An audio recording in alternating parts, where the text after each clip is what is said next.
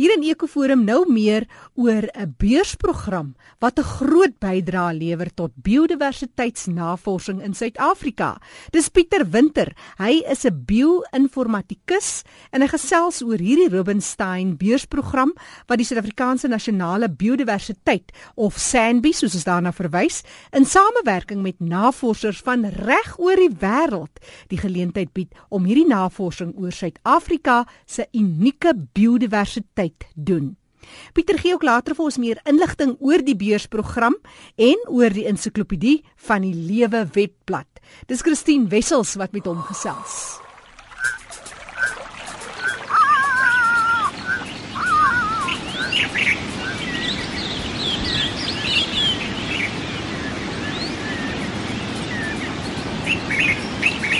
Pieter, ons sit nou hier so by die afdeling vir toegepaste biodiversiteit navorsing by Kirstenbosch Botaniese Tuin.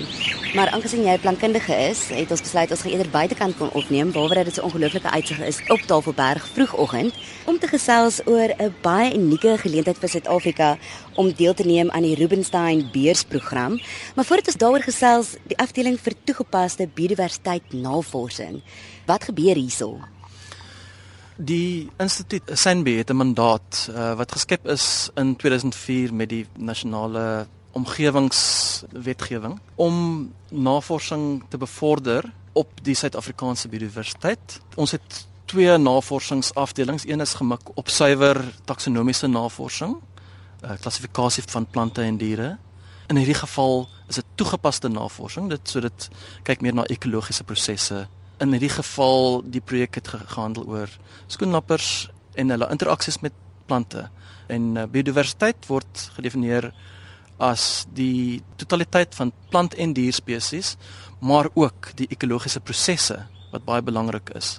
Ja, dit is in 'n netedopie wat wat ons hierso doen. Jy het genoem dis baie interessant daar's 3 herbaria in Suid-Afrika. So met ander woorde van elke liewe plantspesie wat voorkom in Suid-Afrika is daar 'n eksemplaar en 'n beskrywing en hoe om die plantspesie te identifiseer. Dit is waar waarvoor ons mik. Oor die algemeen kan ek sê dat ons is 99% daar. Maar dit is verbasend en en min mense besef hoeveel nuwe inligting daar nog daagliks bykom.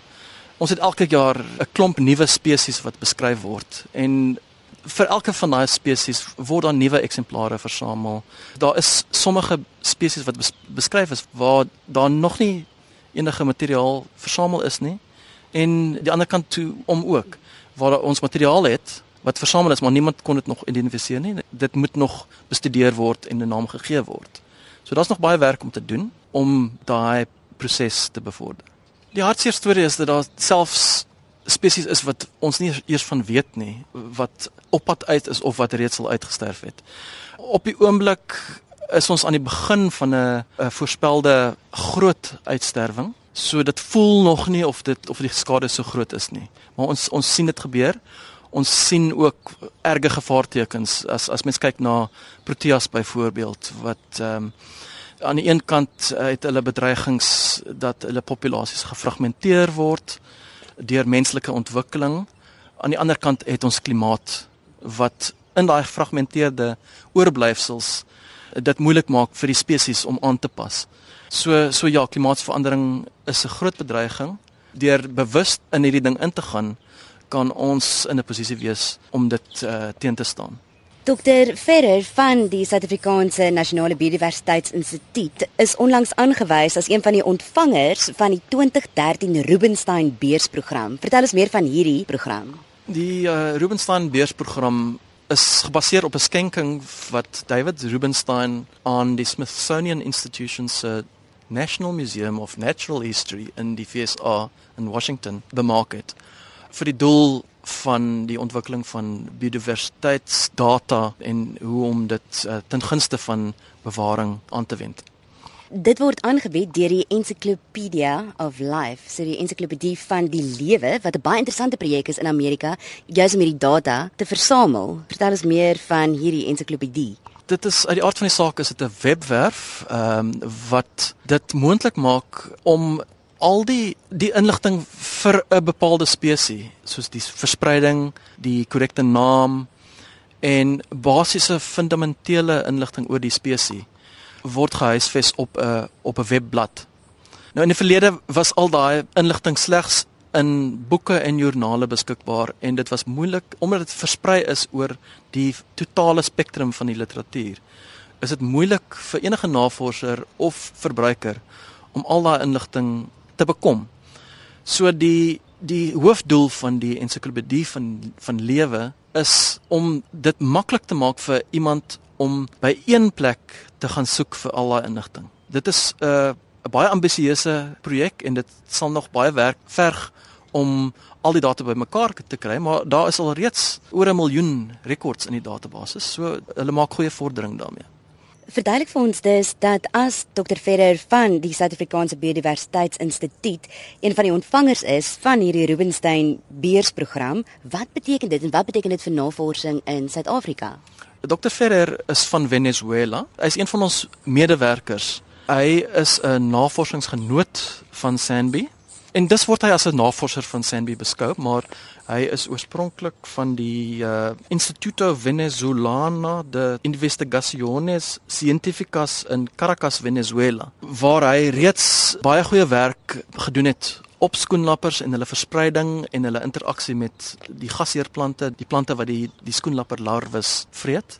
Venezuela is, is ook 'n land wat hulle noem is is 'n mega diverse land in die sin dat hulle baie verskeidenheid van skoenlappers sowel as plante het. As gevolg van sy ondervinding en die goeie data wat ons plaaslik het in Sandby het dit natuurlik gelei na 'n uh, goeie samewerkings uh, ooreenkoms en en dit is hoe hy by Sandby aangeland het in, in vir die afgelope jaar of so op sy beurt het daai navorsing hom in staat gestel om aansoek te doen vir verdere navorsing wat hy weer terug kan vat na Venezuela en Sandby kan nou as 'n medewerker op sy navorsingsprogram 'n rol speel. Dis 'n voortsetting van die werk wat hy in die afgelope jaar hier gedoen het, maar daar's meer klem op die rol wat die ensiklopedie van die lewe speel in die navorsingsprogram wat hy aanbied. So vertel ons 'n bietjie meer van die navorsing oor skoenlappers, spesifiek die skoenlappers wat in Suid-Afrika voorkom wat hy bestudeer in samewerking met die Suid-Afrikaanse Nasionale Biodiversiteitsinstituut. In hierdie geval het hulle spesifiek gekyk na bedreigde spesies en endemiese spesies in Suid-Afrika. Dit is nou skoenlapper spesies.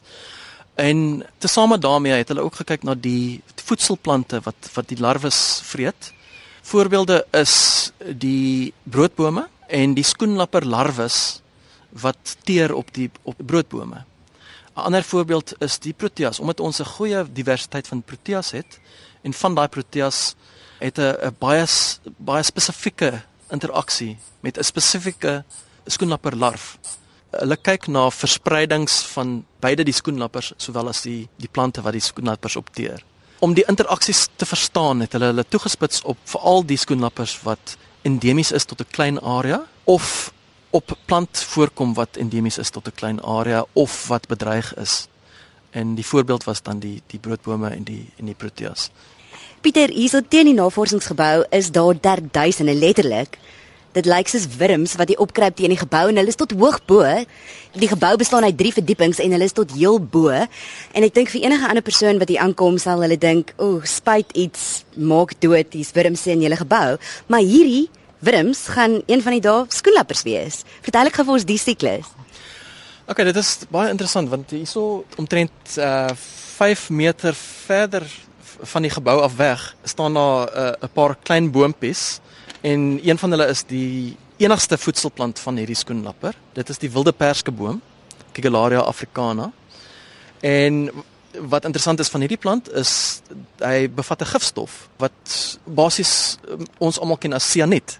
Die larwe van die skoenlapper leef op hierdie boom en is een van die min insekte wat bestand is teen hierdie gifstof. Op sy beurt kan hierdie larwe dan die sianiet gebruik vir sy eie beskerming. So daar's nie baie voëls wat geneig sal wees om hierdie skoenlapper larwe te vreet nie. Daar is een of twee voëls wat dit uh, wel kan vreet, maar dit is 'n baie effektiewe beskerming. En wat ons nou sien is dat die larwes het nou klaar gevreet en hulle is nou reg om in hulle papie stadium in te gaan. In die natuur sou hulle waarskynlik uh, teen boomstamme opgeklim het of teen kraanse. In hierdie geval klim hulle vandag teen hierdie drie verdieping geboue se mure uit en dis verbasend hoe baie daar daarvan is. Binnekort verwag ons dat dat die die volwasse skoenlappers sal begin uitkom. Ons kan reeds 'n paar skoenlappers hier voor ons sien wat al al klaar weet terug is op pad na die die die boom om, om miskien om om te gaan eiers lê. As 'n plantkundige kan ek vir jou sê dat skoenlappers 'n baie essensiële rol speel in natuurlik die bestuiving van blomme. En ons het nou aan die ene kant die interaksie tussen die die voedselplant en die skoenlapper larwe. Aan die ander kant het ons die wat ons noem 'n biotiese interaksie tussen die skoenlapper, die volwasse skoenlapper en die plant wat wat bestuif word. En sonder daai skoenlapper kan die plant nie bestuif word nie en mens kan dan sien dat in sekere stelsels waar die een of die ander nie daar is nie, as of die plant of die skoenlapper bedreig word, dan stel dit die ander spesies ook in gevaar. So dit maak ons ekosisteme sensitief vir enige verstoring en veral waar die interaksie baie spesifiek is en waar die spesies betrokke 'n baie nou verspreidingsgebied het. Pieter, dit wys net weer vir mense, jy moet versigtig wees voordat jy daai botteltjie gif uithaal of dink iets is grillerig in jou tuin, want dit kan byvoorbeeld 'n larwe wees wat binnekort 'n pragtige skoenlapper gaan wees wat so belangrik is vir die bestuiving van jou tuin. So wees versigtig wat jy sommer net doodmaak. Waar gaan ons meer inligting kry oor die ensiklopedie van die lewe as ons wil gaan oplees oor hierdie navorsing deur navorsers wêreldwyd en dan ook waar ons meer inligting gaan kry oor die Suid-Afrikaanse Nasionale Biodiversiteitsinstituut? Eerstens die ensiklopedie van die lewe of Encyclopedia of Life, uh, die afkorting daarvoor is EOL, EOL. So dit is maklik genoeg om om net EOL in Google in te tik en jy sal by die webwerf uitkom. Wat Sanbi betref, ons uh, webtuiste is uh, www.sanbi.org. Binne daai uh, werf is daar ook 'n baie belangrike deel wat ons noem die biodiversity advisor en dit is veral vir mense wat vir hulle werk iets moet weet van die Suid-Afrikaanse biodiversiteit. Die adres daarvoor is http skynstreep skynstreep www.biodiversityadvisor.org.za. Enigiemand wat belangstel kan hulle by die biodiversity advisor gaan sy adres gaan gaan kyk vir inligting. Ehm um, daar is ook ander maniere wat van ons uh, webwerf byvoorbeeld uh, in 'n nuwe program wat ons het iSpot wat meer geskik is vir mense wat net belangstel en wat 'n goggetjie opspoor wat hulle wil geïdentifiseer. Dit maak dit deesdae baie maklik om vinnige antwoorde te kry vir vir jou vir die vrae wat almal van ons het oor ons omgewing. Baie belangrik, jy kan dis daar gaan kyk uh, as jy een of ander spinnekop of 'n uh, eh, larwe of 'n wurm sien, voordat jy die insek byvoorbeeld doodmaak, kan jy eers gaan kyk watter tipe insek dit is. Dalk is dit glad nie iets wat skadelik is nie. So dit is iSpot en dit kry ons ook op julle webtuiste by SANBI, Sanbi. Dis reg ja. Dit is vol uh fotos van van insekte en dit maak dit baie maklik om die nodige antwoorde te kry en dit spoor mense aan om meer belang te stel in hulle omgewing.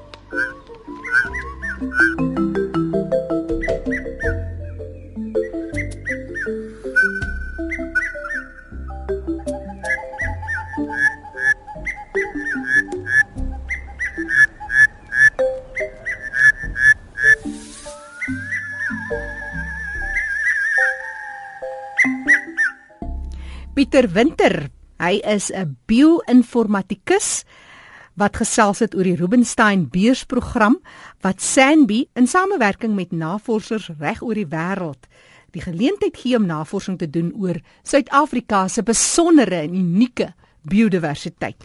Net weer hy kontakbesonderhede, dis www.sanbi.org en dis Christine Wessels wat daar op Tafelberg gesit het en met Pieter gesels het.